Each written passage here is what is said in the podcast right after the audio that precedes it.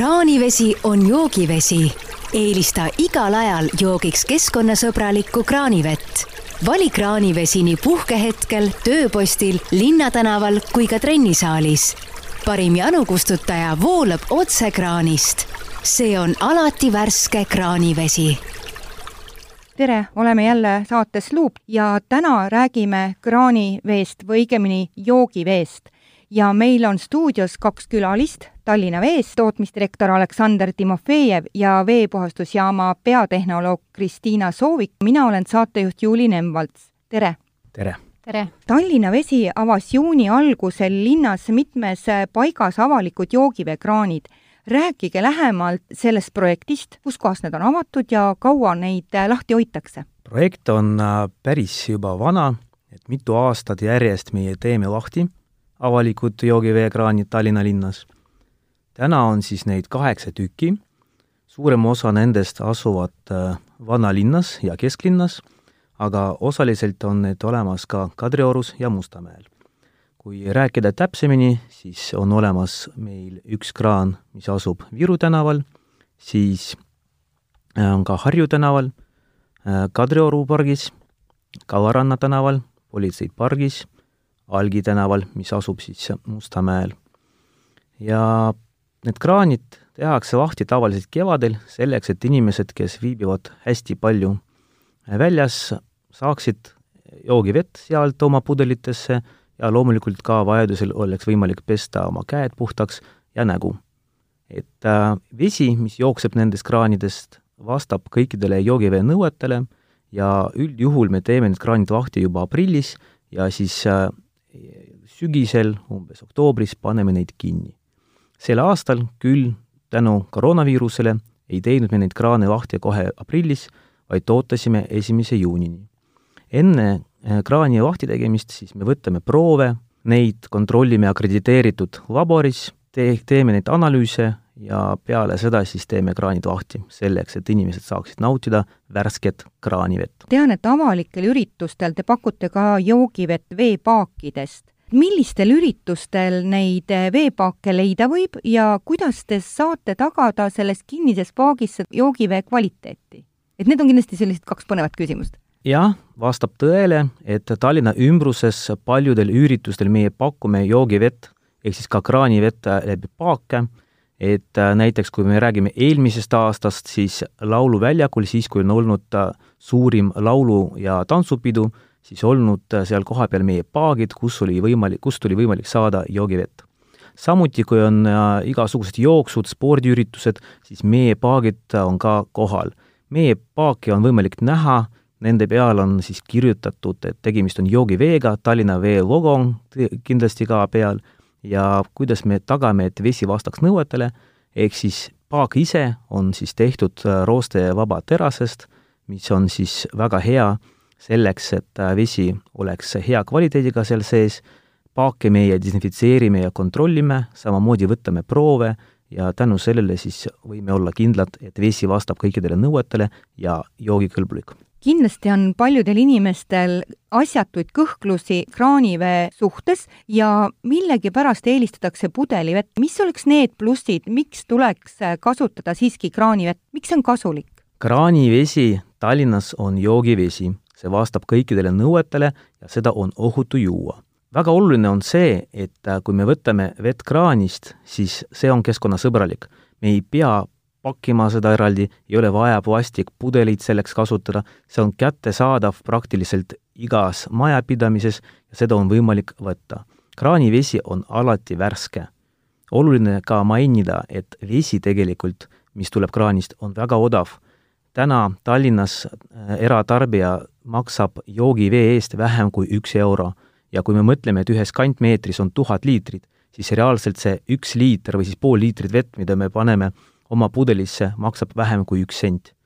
ja kui nüüd mõelda, et kui ma lähen ostan pudeli vee, ma maksan kindlasti euro väikse pudeli eest, eks, ja, ja kui ma hakkaksin nüüd sedasama kantmeetrit endale kokku ostma, maksaksin mitu tuhat eurot. kui inimesed niimoodi hakkaks mõtlema, ühelt poolt on keskkonnasäästlikum, aga ta on rahakotile ka säästlik. kindlasti, et rahakott on väga oluline, aga keskkond on veel olulisem. Kui me mõtleme, kui palju plastikut reaalselt toodetakse iga päev selleks, et pakkida joogivett, siis me, me ei kujuta isegi ette, et mitu tonni seda plastikut päevas ostetakse poest. et meie äh, Tallinna Vee, Tallinna Veena oleme kindel, et on mõistlik kasutada kraanivett, see on alati värske, see ei seisa kuskil pudelis, me võtame seda otse oma pudelisse ja saame juua.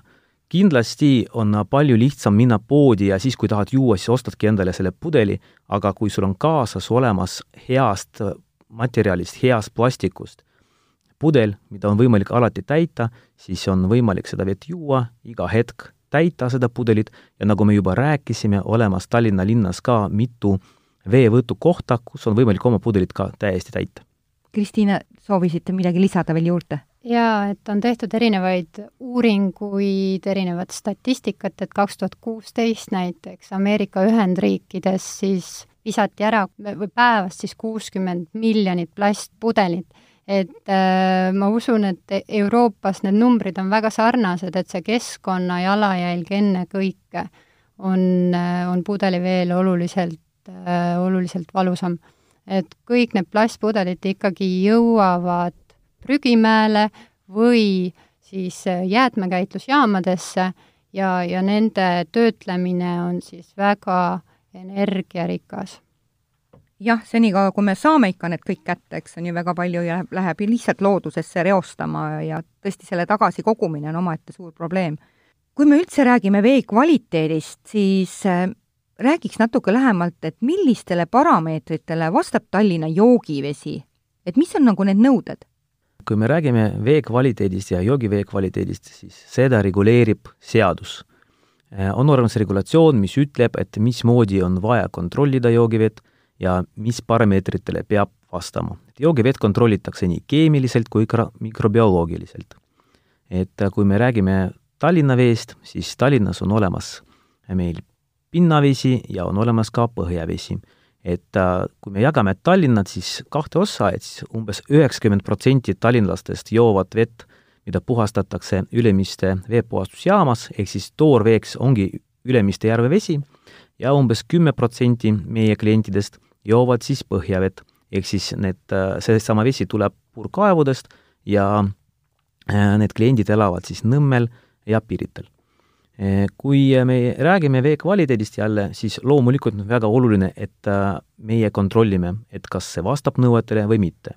et Tallinna Vesi teeb hästi palju analüüse, et me võtame proove oma järvest, me võtame proove erinevatest äh, kohtadest oma puhastusprotsessis, ehk siis protsessi alguses ja protsessi lõpus, ja loomulikult ka puhastatud äh, vett me kontrollime samamoodi enne mida te sealt otsite, kas need on mingid pestitsiidid või need hoopis on rohujäägid või, või meditsiinikamentide jäägid, meie otsime seal erinevaid asju, et me kontrollime üle, et kui palju metalle näiteks vee sees, me räägime rauast või siis alumiiniumist, samamoodi me peame kontrollima, kas järves on pestitsiide või mitte, selleks tehakse eraldi äh, teste, samamoodi me jälgime, et kas äh, äh, järves on palju või vähe füto- või zooplanktoni, siis meie jälgime ka, kui palju on seal erinevaid teisi keemilisi parameetreid ja loomulikult meie kontrollime ka, et kas vesi on äh, mikrobioloogiliselt puhas, ehk siis kas vees on olemas bakterid, millised need bakterid on ja nii edasi. loomulikult äh, vastavalt seadusele peame meie tegema ka hästi palju proove linnavõrgust, ehk siis me kontrollime vett mitte ainult puhastusjaamas, vaid ka klientide juures. ja Tallinnas on meil olemas umbes sada kolmkümmend punkti, kus meie võtame regulaarselt proove, kaks korda kuus vähemalt me võtame igas sellises punktis proove ja kontrollime, kas vesi vastab nõuetele või mitte. see on siis avaliku torustiku mingi selline koht, kus te saate siis ligi minna ja võtta sealt kor-, kaks korda kuus proove? et reaalselt me võtame proove kliendi kraanist, ehk siis meil on olemas konkreetsed kliendid, kellega on kokku lepitud, et nende territooriumil või siis nende kinnistul me võtame proove, kõik need kohad on kooskõlastatud Terviseametiga, ja üldjuhul need on koolid, kaubanduskeskused ehk siis kohad, kus reaalselt vesi liigub. ja aasta jooksul siis me teeme umbes kolm tuhat proovi oma linnavõrgus ja siis kontrollime, kas vesi vastab nõuetele või mitte. Loomulikult päris raske saavutada just täpselt sada protsenti, et suvisel perioodil, kui vesi läheb soojemaks ja tarbimine mõnes kohas läheb väiksemaks, siis kindlasti võivad tulla mõned kõrvalekalded. aga kui me näiteks räägime aastast kaks tuhat üheksateist, siis me võime rääkida sellest, et ikka rohkem kui üheksakümmend üheksa protsenti võetud veeproovidest vastavad kõikidele nõuetele ja need, mis ei vasta, siis üldjuhul me teeme hooldustöid ja kordusproov vastab samuti kõikidele nõuetele. et äh, Tallinna Vesi võtab umbes viisteist korda rohkem proove, kui seadus näeb ette ja seda me teeme just selleks, et olla kindlad, et vesi, mida me tagame klientidele, vastab kõikidele nõuetele. Aleksander, kui te vaatate nüüd natukene ajaperspektiivis, siis kuidas te hindate, et millises seisukorras on üldse Ülemiste järv? ta on nii oluline meile, selle joogivee, ma saan aru, üheksakümmend protsenti tuleb ju sealt joogivett. et kas see olukord on seal sama hea, kui ta vanasti oli või hoopis vanasti ei olnud nii hea ja nüüd on parem? kui me räägime Ülemiste järvest, siis äh, noh, me kõik teame täpselt, kus Ülemiste järv asub, et kõrval on lennujaam, siis on kaks äh, suurt maanteed, Tartu maantee ja Järvevana tee, ja kindlasti me teame, et ümber järve on täna ehitatud hästi palju ka rajoone, kus inimesed elavad, ehk siis me räägime Peetri külast ja nii edasi et äh, Ülemiste järv iseenesest ei ole sügav järv, et keskmine sügavus on ainult kaks pool meetrit. nii vähe? täpselt nii. ja mis on oluline, et loomulikult äh, Tallinna Vesi teeb kõike selleks, et äh, mitte keegi võõras ei saaks järve territooriumile, meil on olemas niinimetatud sanitaarne territoorium, ehk siis sanitaarne kaitseala ja me jälgime, et mitte keegi ei püüaks seal kala ja ei teeks äh, midagi nagu sellist, mis võiks kuidagi halvendada vee kvaliteeti. Äh, meie võtame proove ja loomulikult on näha, et inimese tegevus äh, mõjutab järve. et Tallinna Vesi ise on nüüd viimaste aastate jooksul teinud ka mitu projekti selleks, et parandada vee kvaliteeti, näiteks me oleme tegelenud biomanipulatsiooniga ehk siis see on selline projekt, kus jälgitakse, et milline kala järves olemas, et ta kontrollitakse, et kas seal on rohkem kala, mis sööb teist kala või kala, mis sööb, ütleme, planktonit, ja siis ühe liiki proovitakse sealt kätte saada, mida on liiga palju, ja vastupidi, vastupidi, pannakse juurde just seda tüüpi, mida tahaks seal rohkem olla. et äh, need katsed on tehtud, et äh, raske öelda, et kas on läinud paremaks või mitte, aga halvemaks kindlasti mitte mm. -hmm ma mõtlesin seda, et kuidas proovide pealt on, et kas näiteks on näha, et on vähem mingisugust planktonit vees või kuidas, Kristiina? tõepoolest, Ülemiste järv on eutrofeeruv järv, et mis see tähendab? kliima mõjutab meid päris palju, et ta tahab ikkagi väga kinni kasvada. et Äh, nagu Aleksander mainis, keskmine sügavus, äh, järv on suhteliselt madal, selle all on palju muda, toitaineid on küllaltki palju ja, ja palju räägitakse kliimamõjust, siis kuna Ülemiste järv on tuultele väga valla, siis see kliima mõjutab meid ka. et me näeme, et äh, tulevad uut tüüpi planktonit, planktoni arvukus mingil määral kasvab ikkagi orgaanilise aine sisaldus kasvab. et, et need on meie jaoks kindlasti väljakutserohked ajad, mis meid ees ootavad ma tean, et paar aastat tagasi oli üks minu, minu kõrvade jaoks päris äh, hirmutav äh, üleskutse, et oli siin grupp inimesi, kes väga soovisid, et Ülemiste järv avatakse rannaks, avalikuks rannaks. ma mõtlesin, et uskumatu, millised ideed, et kui kaugelt see, see on? Meie väga loodame, et see on väga kaugel, et ma isiklikult olen käinud ka Riigikogus, Riigikogus on olemas niinimetatud keskkonnakomisjon, kus me oleme antud teemal rääkinud, et ma väga loodan, et tol hetkel ka selle komisjoni esimees on teinud selgeks, et tegelikult nelisada viiskümmend tuhat lõpptarbijat, kes täna joovad kraanivett, mida toodetakse siis Ülemiste veest, et see on suur risk, kui keegi läheb sinna, ütleme nii, randa ja ja kui inimene kuskil puhkab või midagi teeb, siis üldjuhul jäävad ka igasugused jäljed. prügi ja nii edasi, see kõik võib mõjutada vee kvaliteeti. ja kindlasti Tallinna Vesi on alati selle vastu. on selge, et on olemas arendajad ja loomulikult ka inimesed, kes tahavad elada ilusa järve ääres, et see kindlasti tõstab ka kinnisvara hinda ja nii edasi, kui on võimalik otse randa minna oma majast aga me räägime siin ikka elutähtsast teenusest, mis on vajalik umbes poole miljoni inimesele ja me ei saa lubada, et keegi seal niisama jalutab. see on selge ja meie teeme kõike ennast oleneva ja võimalik, et äh, seda selgitada, kui kunagi jälle tekib mingisugune soov või mõte, et Ülemiste järv peab olema avatud kõigile. ma arvan, et see koroonaaeg on toonud ühe hea taipamise inimesele, et kui habras on inimese keha ja organism kõikvõimalikele bakteritele või viirustele ja võib-olla kaob ära selline uljas suhtumine, et oma joogiveesse, et ma võiksin lasta inimesed sinna sisse ka ujuma, et ikkagi saadakse aru, et miks tuleb vahet pidada. üks asi on joogivesi ja teine on siis see, kuhu ma lähen siis ise oma perega sulistama.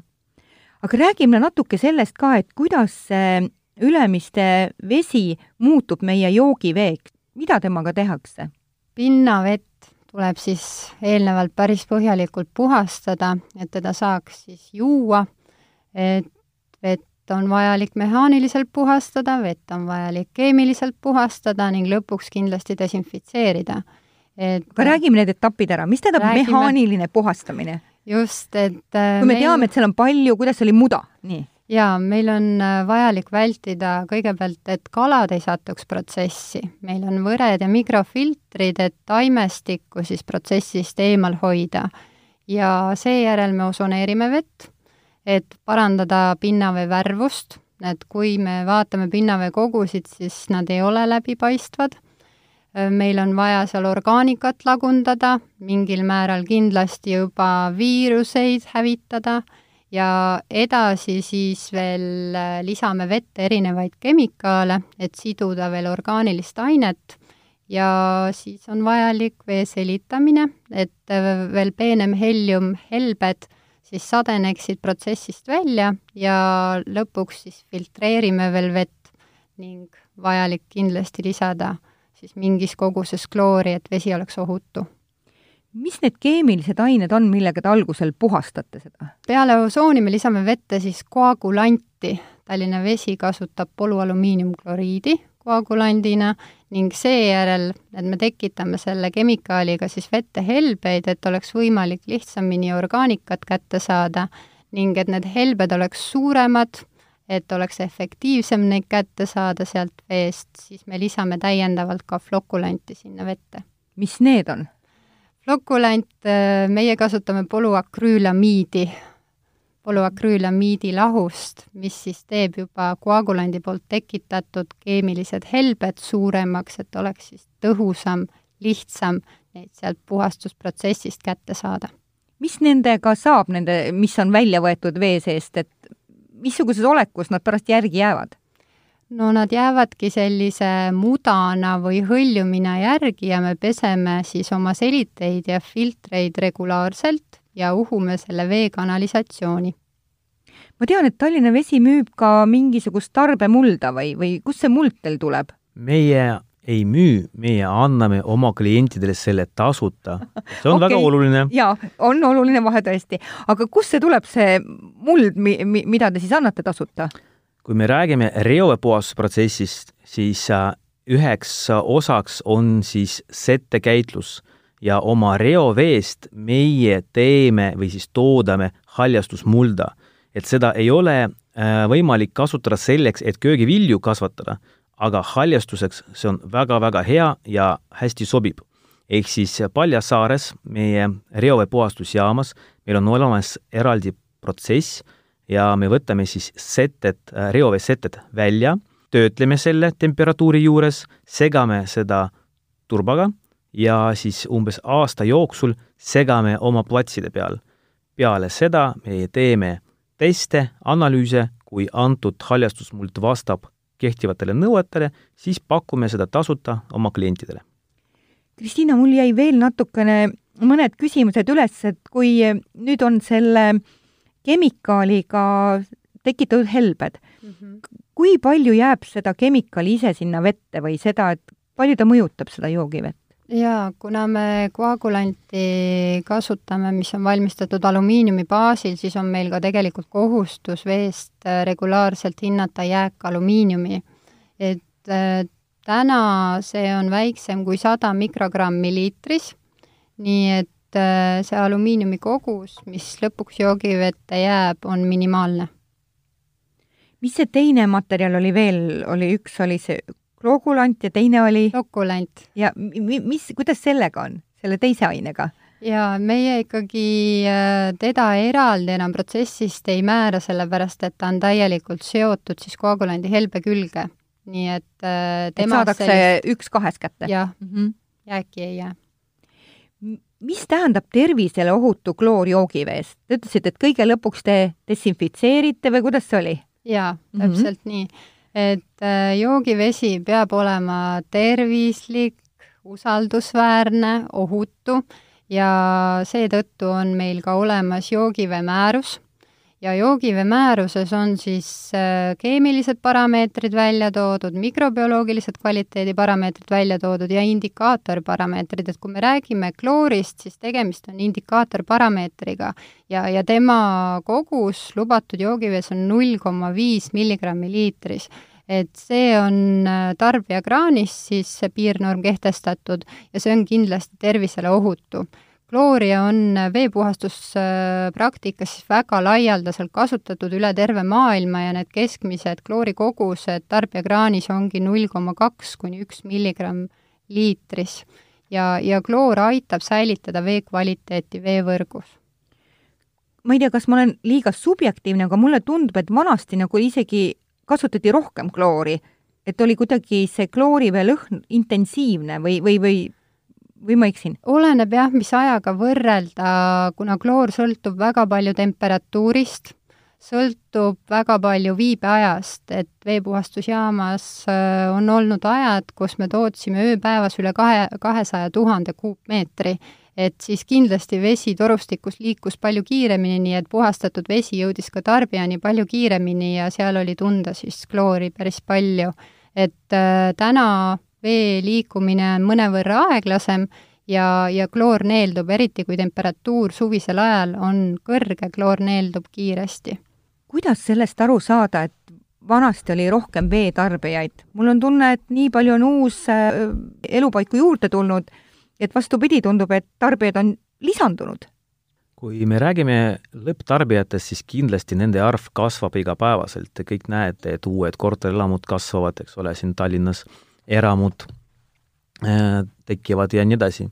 aga on väga oluline just see, et üks asi, et kui palju reaalselt nagu vett pumbatakse Ülemiste veepuhastusjaamast veevõrku ja kui palju reaalselt sellest veest jõuab tarbijani. et kui me räägime äh, ütleme nii, üheksakümnendatest, siis kindlasti üheks probleemiks olid veekaod. et äh, enne erastamist siis selline keskmine veekadu Tallinna linnas on olnud äh, peaaegu nelikümmend protsenti. kui me räägime eelmisest aastast torustikust läks siis otse mahapinda või, või mis? täpselt, jaa, et tekkisid lekked, vesi jooksis äh, torust välja, ehk siis keegi seda vett ei tarbinud, ei olnud vesi arveldatud ja seos sellega tekkisidki suured lekked. ja nagu ma mainisin, et kui kakskümmend viis aastat tagasi on olnud umbes nelikümmend protsenti see veekadu, siis eelmisel aastal ettevõte on saavutanud parima tulemuse ajaloos ja see on olnud alla kolmeteistkümne protsendi, ehk siis vahe on väga suur, kordades? kolme, kolmekordne, täpselt. järgmine põhjus on kindlasti see, et kõik mäletavad, kuidas üheksakümnendate keskel on tekkinud äh, er, era äh, ütleme nii, klientidele veearvestid. et varem on olnud nii, et inimene on lihtsalt maksnud inimese kohta mingisugust tasu ja kasutas nii palju vett, kui ta soovis alates umbes üheksakümne viiendast, kuuendast aastast, siis kui inimesed äh, hakkasid paigaldama veearvestit korteritesse selleks, et maksta ainult selle vee eest, mis on reaalselt tarbitud, loomulikult inimene hakkas ka teistmoodi vett tarbima. tarbimine on läinud ka väiksemaks. seadmed.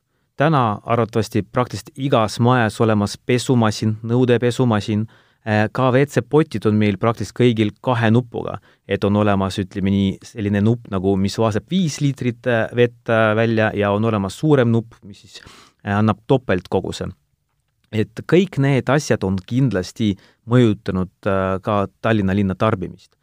loomulikult on olnud ka mõned suuremad tehased, mida üheksakümnendatel pandi kinni. on olnud ju tselluloositehas, on olnud mõned teised tehased, me kõik teame, et ka Coca-Cola tehas on kolinud meil oli ju lihakombinaat tohutu suur, eks, Ülemiste juures. jaa, et äh, kogu see tootmine on kindlasti võtnud hästi palju vett ka ja kuna täna Tallinnas seda tootmist nii palju ei ole, et äh, paljud asjad on siis nüüd teistes kohtades, siis see kindlasti on mõjutanud ka vee tarbimist.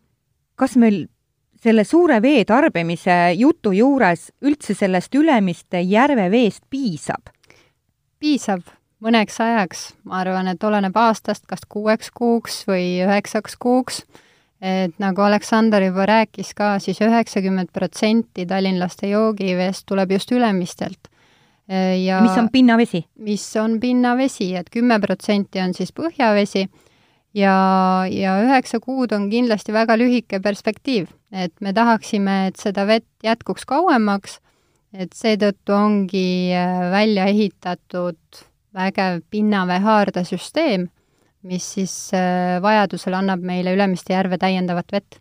kui suurelt see süsteem laiali siis ennast laotab, millisesse maakonda te välja olete jõudnud? ja me saame võtta Ülemiste järve vett äh, viiekümne kilomeetri kauguselt, et äh, Paunküla veehoidla on, ongi kuskil viiskümmend neli kilomeetrit kaugel Soodla veehoidla, et kogu pinnavee haardesüsteem on siis äh, rajatud peamiselt Pirita jõele, ka Jägala jõele ning äh, vesi transporditakse siis äh, mööda seda jõge peamiselt, on ehitatud ka kanaleid ja vesi tuleb sealt isevoolselt, nii et kui me hakkame sealt viiekümne kilomeetri kauguselt vett võtma, siis kahe nädala pärast saame selle veega Ülemiste järve. see ju tähendab tohutut ähm, loodushoidu, seal on hoopis teised nõuded, ma arvan, eks, et see kohalik elu või loomapidamine, taimekasvatus, ta ju tohutult ju mõjutab ka seda pinnase vett ja tema siis, palju seal eluskudet seal veel sees on? jaa, me seirame ka meie pinnavee kvaliteeti, valgala kvaliteeti regulaarselt, et vähemalt korra kuus me soovime siis täielikku ülevaadet äh, meie valgalalt, äh, tihedamalt võtame siit ka Ülemiste järve lähedalt proove iganädalaselt, et see on nagu selline äh, peamine kindlustunne, et see vesi tõesti joogiveeallikana siis meie jaoks sobib. et ähm, väga suur väljakutse on neid veekogusid kaitsta, et on kehtestatud äh, veekaitsevööndid, sanitaarkaitsevööndid ja, ja meil on äh, palju töötajaid, kes äh, näevad igapäevaselt vaeva, et need kanali ääred äh, oleks niidetud, et äh, vajadusel siis kanali põhjadest taimestik eraldatud ja, ja loomulik parim meede on ikkagi ennetamine, kaitsta, kaitsta ja veel kord kaitsta neid veekogusid, et see kvaliteet vastaks joogiveeallika nõuetele. mida on nende kahe termini taga, üks oli sanitaartsoon ja teine oli veekaitsevöönd. ja et mis selle taga on, et missugused nõuded seal on? seal ei tohi olla mingisugust et kui me kapsa räägi... kasvatamist? Kui me räägime sanitaarkaitsealast, see tähendab seda, et äh, keegi võõras ei tohi viibida ka kõrval. kui me räägime kaitsealast äh, lihtsalt, siis see tähendab seda, et äh, tegevus on piiratud antud kohas. ja ma tean, et paar aastat tagasi, kui meil oli hästi tu-, kuiv suvi, siis Paunküla veehoidla lasti vist peaaegu veest tühjaks, et tagada üldse Ülemiste järvele piisavalt seda veekogust juurde täpselt nii, et äh, nii, nagu Kristiina just ütles, et äh, Ülemiste järv ei ole piisavalt suur selleks, et äh, tagada veekogust Tallinna linnale. et kokku on seal kakskümmend kaks miljonit kantmeetrit vett, aga reaalselt ainult kaheksateist miljonit on sobiv vee puhastamiseks.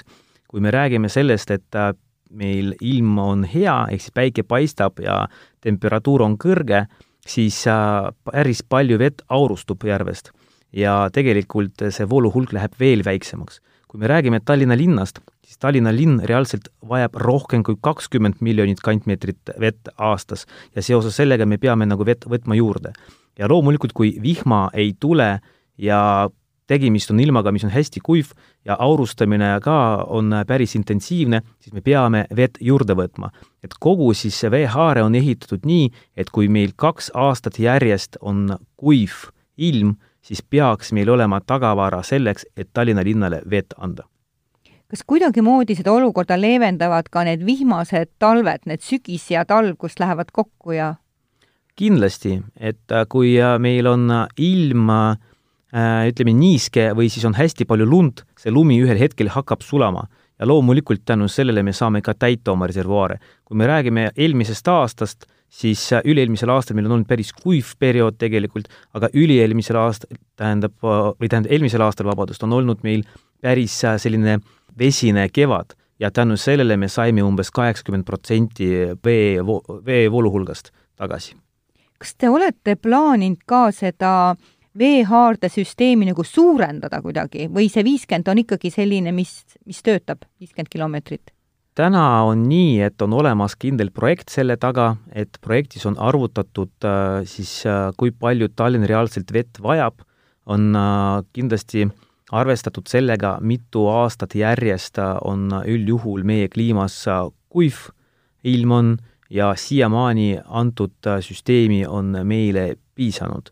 et kliima muutub, et kõike võib juhtuda, et me ei saa täna rääkida, et tulevikus ei ole nagu vajadust suurendada seda veehaaret, aga kui me räägime ajaloost ja me räägime tänasest päevast, siis siiamaani on olnud äh, see piisav et siiamaani see piisab, aga mul on kohe veel üks küsimus, et kui kaks piirkonda mm, nagu toidetakse ära selle veevajadust puurkaevust saadava veega, kas siis oleks järsku mõtet veel seda puurkaeve juurde teha või tegelikult ei ole seda kuhugi juurde teha? Tallinna linnas on olemas ka mõned puurkaevud, mis on reservis ja mis asuvad äh, selles alas, äh, kuhu meie täna anname ülemiste vett.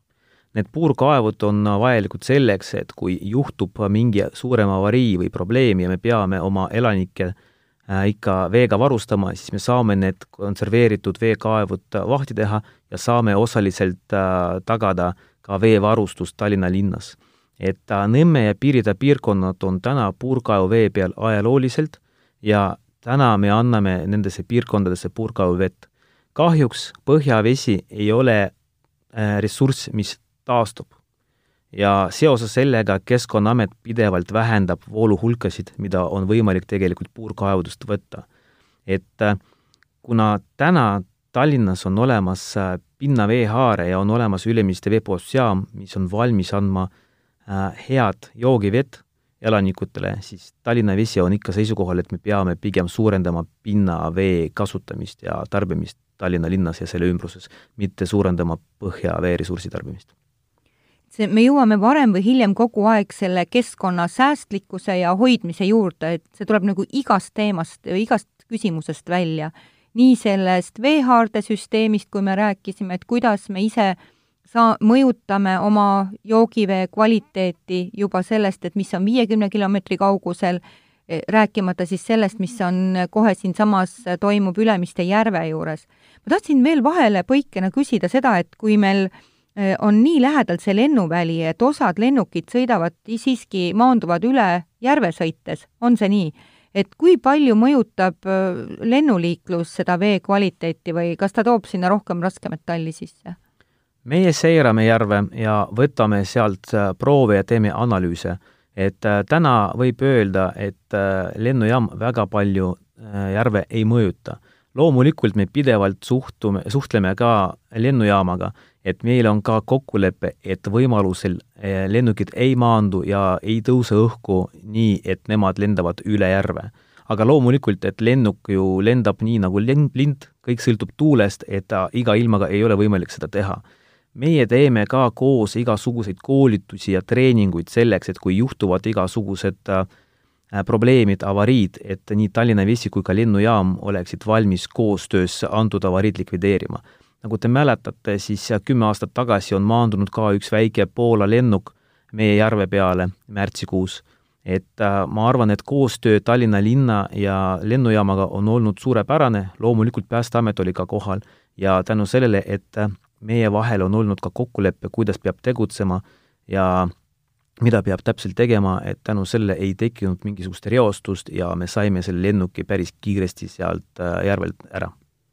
Kindlasti on üks teema, mida me ei ole veel jõudnud rääkida, aga me oleme kogu aeg sinna siiski ka välja jõudnud, see on see, et kui palju inimesed vett tarbivad ja kas see on alati mõistlik vee tarbimine, et räägiks natukene sellest säästmisest või säästlikust vee tarbijast. Sest me ei, me ei jõua nii palju ette anda inimestele vett, kui meil ei ole, tule seda mõistlikku kasutamist. Mhm. jaa, hästi nõus, et selle koha pealt mind väga rõõmustab, et äh, noored on väga rohelise mõtlemisega, keskkonnateadlikud ja terviseteadlikud et loomulikult, et meie kõik saame oma harjumusi selles suunas nagu muuta, et tarbime vähem, sest igasuguse toote valmistamiseks kulub vett ja, ja tarbime kraanivett, et väldime seda pakendamist ja seda transportimist. Ja, ja muidugi siin säästmise koha pealt ka Tallinna Vesi ise otsib igapäevaselt paremaid mõtteid, kuidas meie ise saame vett kokku hoida. Vaatame, et meie lekete arv oleks minimaalne protsessis, et meie oma tarbevesi oleks minimaalne.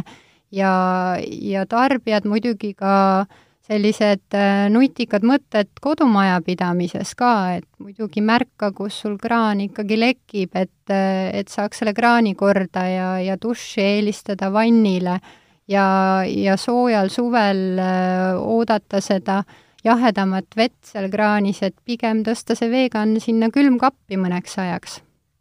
me oleme teinud ka erapooletu uuringu ja oleme küsinud klientide käest, kas nemad reaalselt tarbivad kraanivett joogiveena või mitte. ja kui me räägime eelmise aasta tulemusest, siis äh, me võime öelda, et umbes üheksakümmend protsenti meie klientidest joovad ja tarbivad kraanivett igapäevaselt. mis on ju tegelikult väga hea protsent aga seda saaks ju edasi suurendada, eks on ju? absoluutselt, ja me teemegi iga päev tööd selle nimel, juba täna meie tegelikult teeme hästi palju koostööd koolide ja lasteaedadega, kus me räägime väiksetele tarbijatele, kui oluline on vett säästa, kuidas seda puhastatakse ja nii edasi, et iga inimene ju juba koolis teab, et ta rohkem kui kuuskümmend protsenti tema kehast koosneb veest, et me ise oleme tegelikult ju veest. ja kui meie joome vett, siis me oleme terved, ja meil on energiat. Ja ma arvan, et see on väga-väga oluline, et me oleme viimased kümme aastat teinud päris palju tööd selle nimel, et inimesed teaksid, et joogivesi on hea, et see on tervislik ja ma arvan, et tulemusi on näha. kui kümme aastat tagasi see protsent, ehk siis kui palju rahvast nagu reaalselt Tallinnas joob kraanivett, oli nelikümmend, siis täna see on üle üheksakümne päris head tööd olete teinud vahepeal, et see hüpe nii, nii kenasti on tulnud. aitäh! aitäh! Meil hakkab äh, saateaeg äh, ümber saama.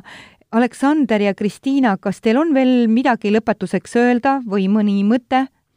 mina tahtsin ainult tänada Tallinna Vee töötajaid, et meil ettevõttes täna töötab natuke rohkem kui kolmsada spetsialisti.